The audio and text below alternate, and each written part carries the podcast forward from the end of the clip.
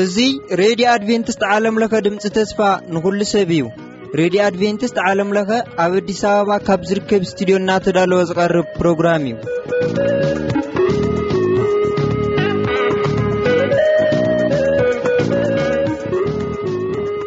ሰላም ጥዕና ይሃበልና ዝኸበርኩም ሰማዕትና በብዘለኹም ምኸንኩም ሮኔና ረድዮ ኣድቨንትስ ንምድማጽ ልክዕ ኣብ ሰዓትኩም ስለ ዝተረኸብኩም እግዚኣብሔር ይባርኩም እናበልና ቀጺሉ ዝቐርበልኩም መደብ መናእሰይ እዩ ምሳና ጽንሑ ሰናይ ምክትታል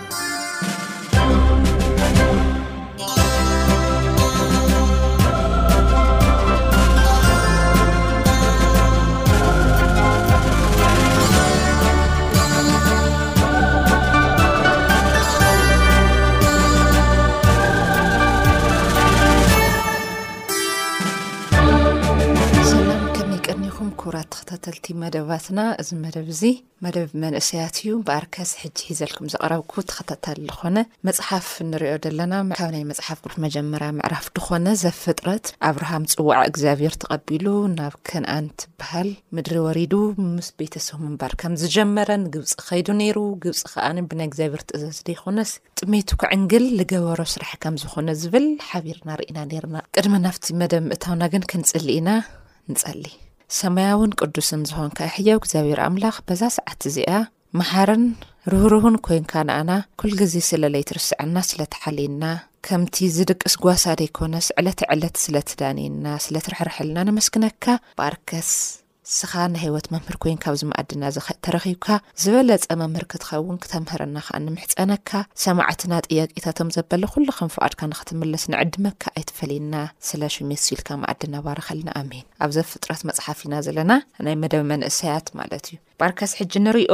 ካብ ግብፂ ምስ ተመልሰ እግዚኣብሔር ቀስ ብቀስ ቀስ ብቀስ ንኣብርሃም ክባርኮ ጀሚሩ ብጥሬት ብገለና ብሓባር እዮም ዝቕመጡ ነይሮም ኣብርሃምንና ሎጥ ወዲ ሓው ማለት እዩ ሰራሕተኛታት ነይረሞ ኣብዚ እንታይ ይብል ምዕራፍ ዓሰርተ ሰለስተ ኣብራም ከዓ ምስ ሰበይቱ ምስ ኩሉ ጥሪቱ ካብ ግብፂ ናብ ኔጊብ ከደ። ሎጥ እውን ምስኡ ከደ። ኣብራም ከዓ ብኸብትን ብብሩርን ብወርቅን የመን ሃብታም ነበረ። ካብ ኔጊብ ተላዒሉ ከዓ ናብታ ቐደም ኣብ መንጎ ቤቴል ጋይን ድንኳን ተኺሉላ ዝነበረ ቦታ በጽሐ። ንሳ ከዓ እታ ቐደም መሰውኢ ሰሪሑላ ዝነበረ ቦታ እያ። ኣብኣ ኣብራም ስም እግዚኣብሄር ጸውዐ። እቲ ምስ ኣብራም ዝኸደ ሎጥ ድማ መጓሰ ኸፍትን ኣባጊዕን ድንኳናትን ነበሮ። ጥሪቶም ብዙሕ ስለ ዝነበረ ድማ ምድሪ ጸበቦም። በዚ ምኽንያት እዚ ብሓደ ክነብሩ ኣይከኣሉን። ኣብ መንጎ ጓሶት ከፍቲ ኣብራም ጓሶት ከፍቲ ሎጥ ባእሲ ኮነ። በቲ ዘመን እቲ ከንኣናውያን ፈርዛውያን ኣብታ ምድሪ ይቕመጡ ነበሩ። ኣብራም ከኣ ንሎጥ ንሕና ኣሕዋት ኢና እሞ በይዛኻ ኣብ መንጎይን ኣብ መንጎኻን ኣብ መንጎ ጓሰተይን ኣብ መንጎ ጓሶትካን ባእሲ ኣይኹን። ኩላ እዛ ምድሪ እዚኣ ኣብ ቅድሜኻዶ ኣይኮነትን? ዘላ ደጊም ካባይ ተፈለ ንስኻ ናብ ጸጋም እንተ ኸድካ ኣነ ናብ የማን እኸይድ ንስኻ ናብ የማን እተ ኸድካ ድማ ኣነ ናብ ጸጋም እኸይድ በሎ ሎጥ ከኣ ናብ ዝርኡ ቆላሕ እንተ በለ ኩሉ ናብቲ ዞዓር ዝወስድ ጎልጎል ዮርዳኖስ ከም ገነት እግዚኣብሔር ከም ምድሪ ግብጽን ማይ መሊእዎ ከም ዘሎ ረኣየ እግዚኣብሔር ንሰዶም ገሞራ ከየጥፍኣ እንተሎ ሽዑ ሎጥ ንኹሉ ጐልጐል ዮርዳኖስ ስለ ዝመረጸ፣ ናብ ምብራቕ ኣቢሉ ተጓዕዘ፣ ኣብራምን ሎጥን ከኣ ተፈላለዩ። ኣብራም ከኣ ኣብ ምድሪ ከንኣን ከኣ ተቐመጠ፣ ሎጥ ድማ ኣብተን ኣብ ጐልጐል ዘለዋ ከተማታት ተቐመጠ፣ ድንኳኑ ከኣ ኣብ ጥቓ ሶደም ተኸለ። ሰብ ሶደም ግና ሕሱማት ኣብ ቅድሚ እግዚኣብሔር መና ኸፉኣት ሓጢኣተኛታት ነበሩ። ሎጥ ካባኡ ምስ ተፈለየ ድማ እግዚኣብሔር ንኣብርሃም ዓይንኻ ቈላሕ ኣብል እሞ ካብዛ ዘለኻያ ቦታ ንሰሜን ንደቡብ ንምብራቕ ንምዕራብ ኣቢልካ ጠምት። እዛ ንስኻ እትርእያ ዘለኻ ዅላ ምድሪ ንኣኻን ንዘርእኻን ንዘለኣለም ክህበካ እየ። ንዘርእኻ ድማ ከም ሑጻ ምድሪ ከብዝሖ እየ።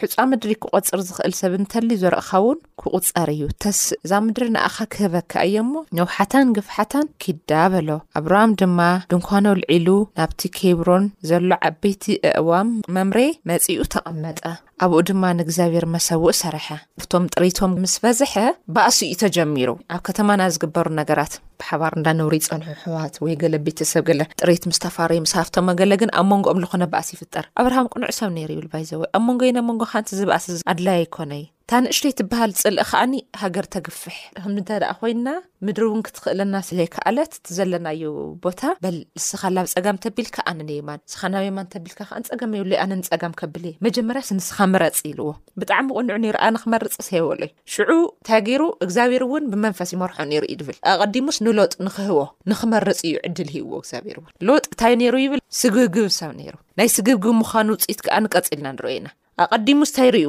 ልሙዕ ደስ ዝብል ሰውሕታት ለሰታት ዘለዎ ቦታ ርዩ በቃ እዚ ሕሸን ኢሉ ማይ ለለዎ መዓት ዘገርም ቦታታት ፅቡቕ ፅቡቕ ዝኾነ ቦታታት መሪፁ እዚ ቦታ ንሱ ታይ ፀገም ከም ዘምፀኣሉ ኣብርሃም ዝመሮፀ ግን ኮክሒ ማይ ኣየፈልፍሊ ኣየፈልፍሊ ልምንታይ እዩ እግዚኣብሔር ከምኡ ገይሩ ኣብርሃም ዝነገር ንሱ ክሕዝ ገይርዎ ኣብቲ ከባቢ እውን ፈርዛውያን ዝበሃሉ ሰባት ይነብሩ ነይሮም ስለዚ በቃ ነናይ ባዕሎም ክሕዙ ስለ ደለዎም ማለት እዩ መጨረሻ ግን እንታይ ይብል እታ ምድሪ ዝሃብኩኻ ቋሕ ኣቢልካ ርእ እሞ ከስፍሐካ እየ ኣይትጨነቕ ኣይዞኻ ኣስቑኢልካስ ታይ በሃል ኣይትኹን ብኡ ብምዃኑ ዋላ ሓደ ኣይኮነይ ኣብርሃም እንዲ ዘጨንቖ ነበረ ጥሜት ክጠምዮም ከሎ ክስእኑ ከለዉ ላብ ግብጺ ምኻድ ምውራድን እዛ ጸገም እዚኣ ጥራሕ እያ ነይራታ ኣብርሃም ክንዲ ምንታይ ዝኣክል ቅኑዕን ትሑትን ሰብ ከም ዝነበረ ወይ ኣነ ቀዲመ ገለ ልብል ባህሪ ከም ዘይነበሮ ንርኢ ማለት እዩ ባርከስ ናይታ እዛ ምርጫ እዚኣ ዘጋጠመቶ ለውጢ ክነግረኩም እየ በዚ ዘመን እቲ ውግእ ገጠም ትውግእ ዝገጠሙሉ እዞም ነገስታት እዚ ኣዚኣቶም ኩላቶም ናብ ጎልጎል ሲዶም ዝጽዋዕ ባሕሪ ጨው ተኣከቡ። ንኮልደግማር ዓሰርተ ክልተ ዓመት ተገዚኦሞ ነበሩ።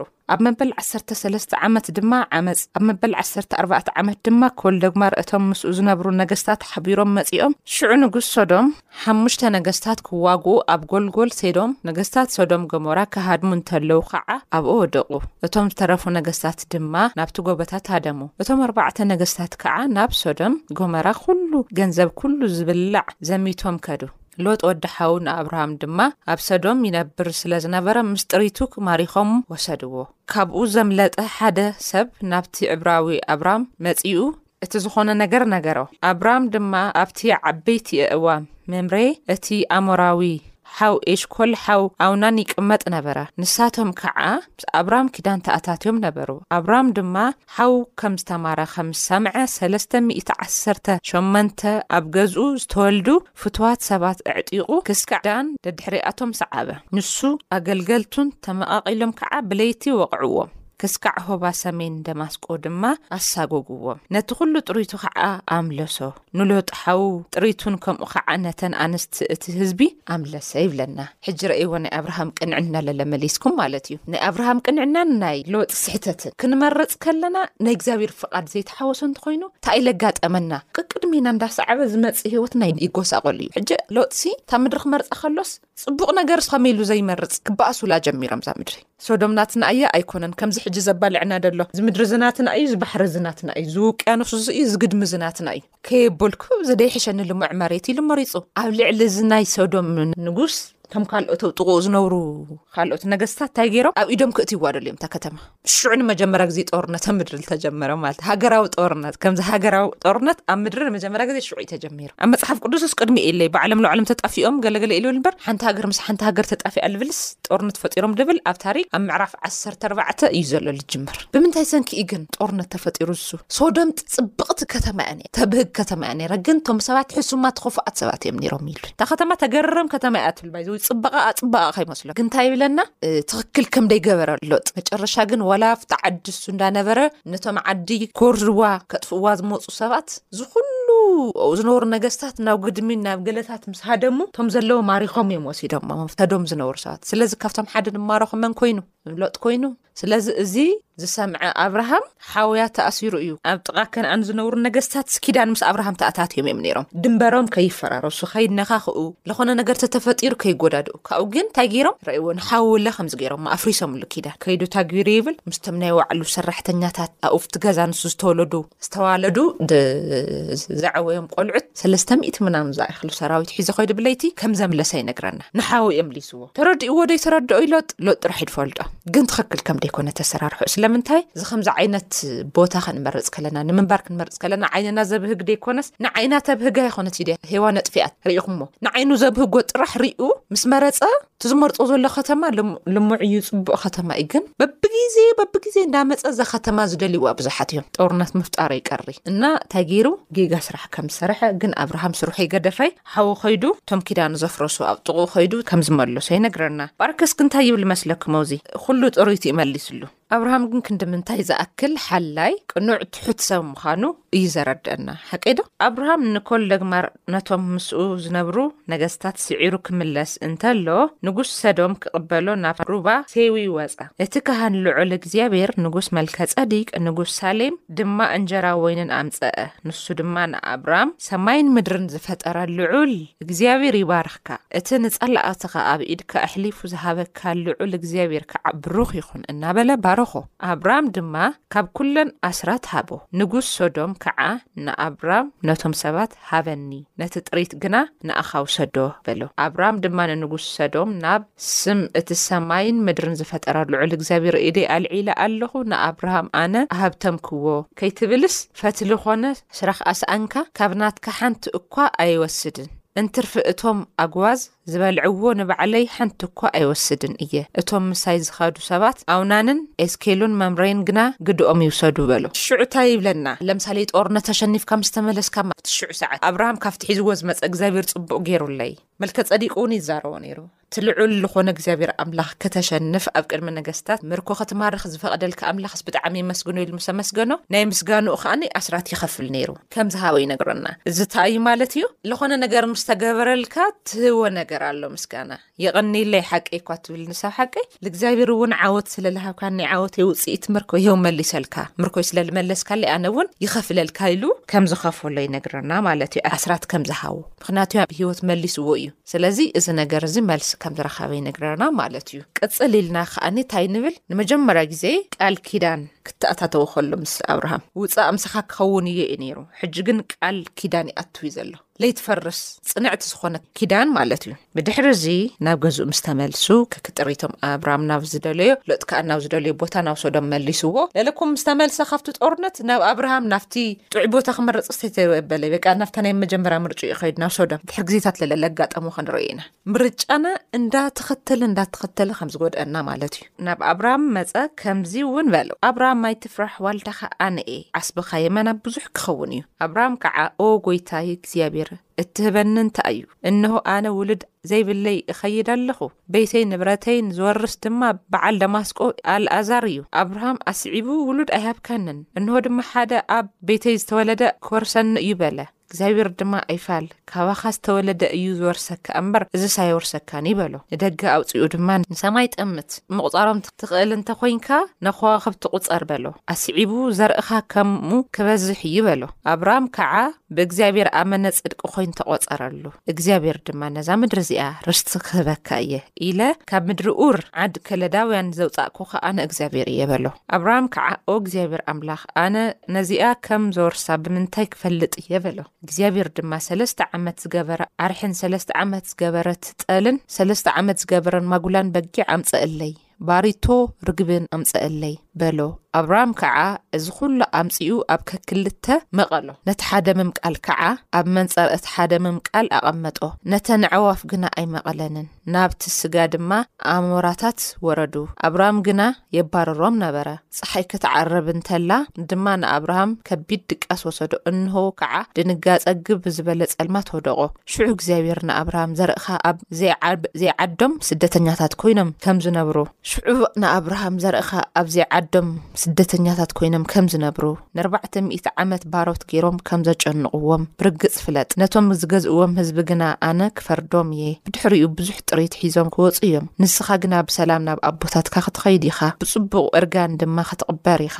ጽዋዕ ዓመጻ ኣሞራውያን ግን ኣይመልእን እዩ እሞ፣ ንዘርእኻ ኣብ ራብዓይ ትውልዲ ናብዚ ክመልሶ እየ በሎ። ጸሓይ ምስ ዓረበት ግብ ዝበለ ጸልማት ምስ ኮነ ከኣ፣ እንሆ ዝተክኽ እቶን ሃልሃል ዝብል ሓዊ ኣብ መንጎ እቲ ዝተመቐለ ሓለፈ። በታ መዓልቲ እቲኣ ኸዓ እግዚኣብሔር ምስ ኣብርሃም እዛ ምድሪ እዚኣ ካብ ሩባ ግብፂ ኽስካዕ ሩባ ኤፍራጥስ ምድሪ ቄናውያንና ቄንዛውያንን ቀድሞናውያንን ሄጣውያንን ፈርዛውያንን ራፋይምን ኣሞራውያንን ከነኣናውያንን ጌርጌሳውያንን እያቡሳውያን ንዘርእኻ ክህቦ እየ ኢለ ኪዳን ኣተወ እንታይ ኪዳን ኣትዩ ስኻስ ከመይ ከም ተብዝሓኒ እዛኣብ ዝኾኽሒ ምድርስ ዘርእይ ከም ተብዝሕልስ ብምንታይ እየ ክኣምነካ ኣብርሃም ቅኑዕን ትሑትን ልቢ ነይርዎ ግን ጠያቂ እውን ነይሩ ብኸመይ ክፈልጥ ኢልዎ ኣውዚ ዘርኢ እዚ ኣብቲ ንኣኻ ተስፋ ኣይገበረሉን ትብሎ ደለኻ ምድሪ ካባኻ ዝወጽእ ዘርኢ ኣብ ከምዚ ቦታ ከይዱ ክግዛእ እዩ ክሳቀ እዩ ድሕሪ ራብዓይ ትውልዲ ግን ናብዚ ምድሪ እዚ ተመሊሱ እንታይ ክኸውን እዩ ዘርእኻ ከም ምድሪ ሓሸዋ ክባዛሕ እዩ ኢልዎ ናይ ኣጋምሸት ሞት ዝቐረበ መስዋእቲ ኣሽቲቱ ኪዳን ኣሲሩሉ ሽዑ ይብለና ኣጽኒዕዎ ካብዛ ሰዓት እዚኣ ጀሚራ ንስኻ ዘርእኻ ብናትካ ሽም እቲ ምድሪ ክጽዋዕ እዩ። ኣንሕና ለውን ብመንፈስ ኣምላኽ በቲ ናይ እግዚኣብሔር መንገዲ ክንኸይድ ከለና ደቂ ኣብርሃም ተባሂልና ንጽዋዕ ማለት እዩ። ምክንያቱ ንሱ ታዋይ ነይሩ ኢለኩም እየ፣ ኣይሁዳዊ ነይሩ ኣይብሊ። ኡር ከለዳዊ ኣቡኡ ጣኦት ሰራሒ፣ ንሱ እውን ጣኦት ተኸታሊ ነይሩ ግን እግዚኣብሔር ዝጸውዖ ጽውዓ እግዚኣብሔር ተኸቲሉ ብእምነት ተጓዒዙ ብምእማኑ ጥራሕ ጽድቂ ተቖጺርሉ እግዚኣብሔር ግን ምእማኑ ጥራሕ ሱቕ ኢሉ ኣይርኦየ ድሕሪ ክንዲ ዓመት እግዚኣብሔር ምስ ኣብርሃም ኪዳን ክተኣታቶ ፍቓደኛ ኮይኑ ኪዳኑ ጽኒዑ ፈጺምሉ ናይ ኣብርሃም ምርጫ ዋላ ደኣ ክረአ ከሎ ጥዑይ ኣይኹን ግን መከራ እንዳጋጠመካ እንዳሓለፍካ ንዝዓበየ ኣጀንዳ ከም ዝኾነ ሓው ልገበሮ ምርጫ ግን ትኽክል ከም ለይነበረ ስለ ዘንሕና ለውን እዚ ኣብ ልኾነ መደብ ውድዓዊ ሓቂ ተስታውስቲ ኮይንኩም ነርኩም ቀሪቡ ነይሩ ቀደም ቅድሚ ሓደ ዓመት ማለት እዩ ምድሪ ክመርጹ ከለዉ ኣቦታት ናብ ልኾነ ከተማ ክነብሩ ከለዉ ብስነ ስርዓት ክመርጹ ኣለዎም ስለምንታይ ታስኻ ትነብራ ደለኻ ከተማስ ካልኦት ሰባት ክብህጉላ ኣይክሉ እዮም ስለዚ ጦርነት ክትፈጥር ትኽእል ኢኻ እዛ ዝመረጽካያ ከተማ። ሎጥ እኮ ይብለና እዩ እዛ ከተማ ልነብራላ እኮ ዝኾነ ግዜ ብሓዊ ተቓጺላ እያ ካብቲ ከተማ ንኽወጽእ ከኣነ በዓሉ ኣብርሃም ንእግዚኣብሔር ጠሪዕሉ። ባይዘወይ ናይ ኣብርሃም መንነት ደስ ልብለካ ኣብ ጥቑኡ ንዘለው እውን ሰላም ፈጢሩ ዝነብር ሰብ እዩ ኪዳን ይተኣታተው እንተፍሪሶም ግን በታ ኪዳን እዩ ልጥይቖም ንእግዚኣብሔር ለኮ ብኪዳን ይጠይቕዎ ኣነስኻስ ከምትገብረለይስ እንታይ መረጋገፂ ክሕዝ ኢልዎ ምስቶም ኣብ ጥቑኡ ዝነብሩ ሰባት እውን ንሎጥ ከይጎድእዎ ኪዳን ኣትዩ ነይሩ ስለዚ ታይ ተጠቂሙ እታ ኪዳን ሒዙ እዩ እዛ መንገዲ ክወፅእ ጀሚሩ ማለት እዩ ታይ ኢና ክንገብር ዘለና ንሕና ምርጫና ክነስተካክሎ ክንክእል ኣለና ምርጫና እንድሕር ተዘይስተካኪልና ትክክል ከምደይኮነ ከም ናይ መን ዕድል ክትበፅሐና እያ ከምዚ ሕጂ ኣብ ሃገርና ዘጋጥም ደሎ መሬትካ ብሂጎም ይመፁ ንጦርነት ትስለፍ መከራ ብመከራ ትኸውን ማለት እዩ ባርከስ እዝን ወዲ እዝን ከይንኸውን ግን ተኸንኸውን ኣለና ሸውሃትና እንዳስተኻኸልና እግዚኣብሔር ዝፈቐዶ ነገር እንዳገበርና ማለት ምርጫና ክንፈልጥ ክንኽእል ኣለና ትኽክል ተደይ ኮይኑ ክንጠፍእ ኢና ኣካይዳና ማለት እዩ ስለዚ ቅድሚት ግን እግዚኣብሔር ክመርፀልና ኢና ዕድል ክንህብደ ኣለና ንኣብርሃምሲ እግዚኣብሔር ይሕግዞ ነይሩ እሱ ንክመርፅ ሃቦ ሽዑ ፀገም የብሉ ስኻ ግን እዛ ከተማ ዘኢኻ ትመርፃ ኢልዎ እዩ ምክንያቱ ብዙሓት ሰባት ብዙሓት ነገስታት ዝንዕቕዋ ዝነበሩ ከተማ እዮም ጥቕሚ የብላይ ብዚ መንገዲ እዚ ከም ደለዎም እዩ ዝነግረና ኣብዚ ቃል እዚ ማለት እዩ ብኣርከስ ብጣዕሚ ነመስግነኩም ፅኒኢልኩም ዝቓል እዚ ስለ ዝሰማዕኹምና ዝነበረና ፃኒሒት እዚ ይመስል ጥያቄን ሓሳብን ብዝህለይኩም ብልሙድ ስልኪ ቁፅርና ባዶ 989 77 45 9 ብምባል ብፖስታ ሳጽን ቁጽሪ ከኣ ሚእትን ኣርባዓን ሓሙሽተን ኣዲስ ኣበባ ኢልኩም ጥያቄኹምን ሓሳብኩምን ክትገልጹልና ትኸእሉ ኢኹም። ስራሕኩም ገዲፍኩም መደባትና ትከታተሉ ንዝጸናሕኩም ኩላኻትኩም እግዚኣብሔር ኣዝዩ ይባርኽኩም። ሰናይ ቅነ።